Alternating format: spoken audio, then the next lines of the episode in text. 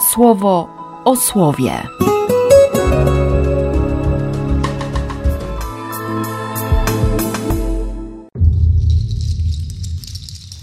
Piętnasty listopada, wtorek.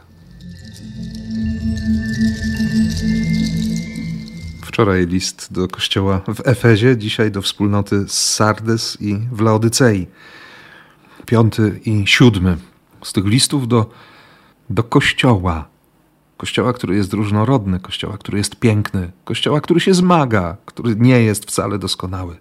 Kościoła, który potrzebuje dzień w dzień przypomnienia, że, że pierwsze jest słuchać, bo to uzdalnia do miłości i że nie ma ważniejszego przykazania niż to, które Jan będzie mówił ciągle i na wszelkie możliwe sposoby.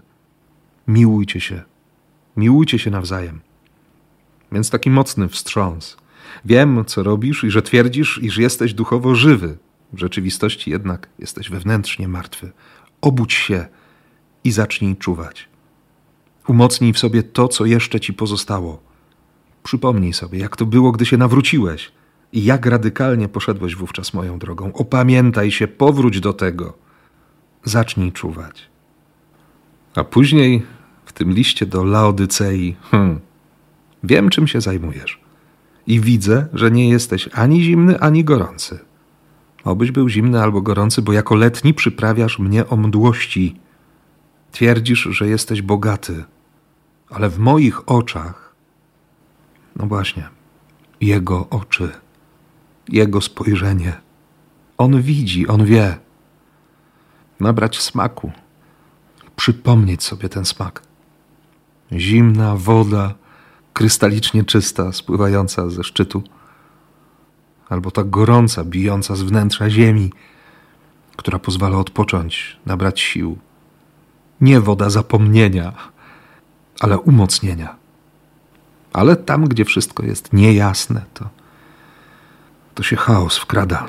I wtedy się wydaje, że nie chcę, żeby mi się wydawało. Chcę być pewien. Chcę być pewien tego zainteresowania Boga, którego doświadczył Zacheusz. Ja dziś muszę być u Ciebie. Chcę. To Jego chcę potrafi zmienić życie. Chcę dziś je usłyszeć jeszcze raz i życzę Ci też tego, aby, aby Twoje serce usłyszało, bez względu na to, gdzie mieszkasz. Czy w największej depresji, czy w okolicach nieba. Usłysz, usłysz słowo, które daje życie, które przynosi łaskę, które kocha poza wszelkie granice. I niech to słowo stanie się życiem w Tobie. W imię Ojca i Syna i Ducha Świętego. Amen. Słowo o słowie.